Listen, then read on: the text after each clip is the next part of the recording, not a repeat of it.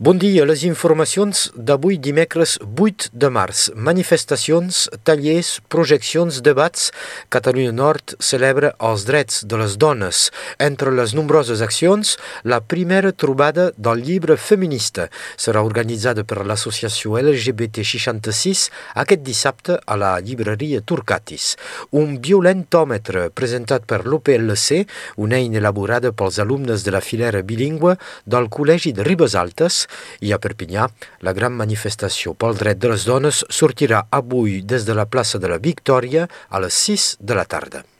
No al fotovoltaic. Un col·lectiu d'oposants s'acaba de constituir als Aspres. Reunit a Terats, aplega ciutadans, pagesos i viticultors que militen en contra de la implantació de panells fotovoltaics a la comarca. El col·lectiu denuncia l'impacte visual i també econòmic d'aquestes instal·lacions, demanen una gestió responsable dels projectes i poder debatre dels llocs d'implantació amb concertacions públiques. Fundat a Terats, el col·lectiu es vol eixamplar ràpidament a Furques i a Llupià. A Cabestany, la clínica Medipol organitza demà una gran jornada de detecció gratuïta del càncer de ronyó. Com passa per molts casos, la detecció precoç és clau per a poder curar aquest càncer. Les malalties de ronyó sovint són silencioses, gairebé sense símptomes i, per tant, molt difícils de detectar.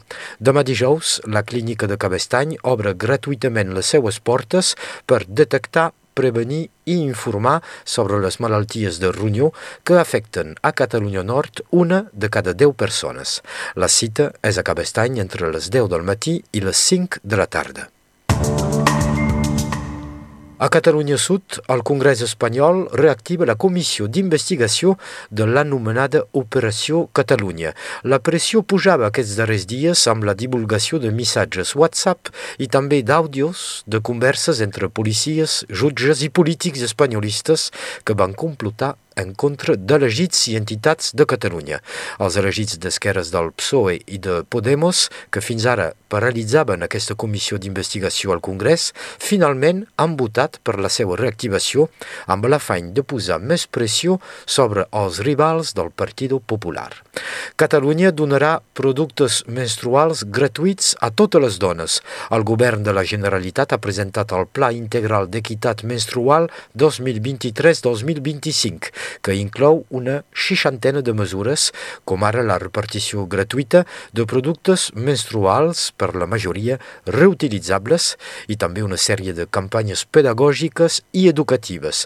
Gairebé dos milions de catalanes són concernides per aquestes mesures. Es calcula que a Catalunya una de cada cinc dones no té mitjans econòmics per accedir a productes menstruals.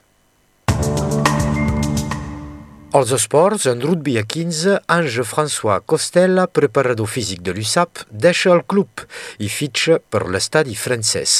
Vingut del futbol, de l'Olímpic de Lió, el preparador físic havia arribat a l'USAP el 2017. El club ja li cerca un substitut.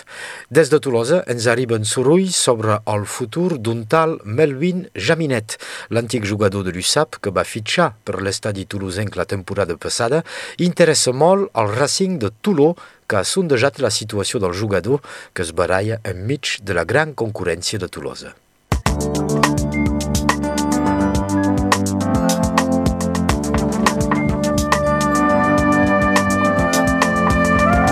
Moltes gràcies, Sebastià. Passem ara a l'informació del temps amb Meritxell Cristòfol.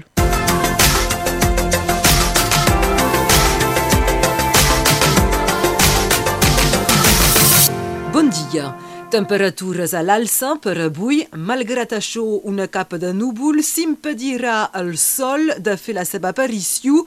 Poc ben, avui les ràfegues màximes haurien de bufar a 15 km per hora.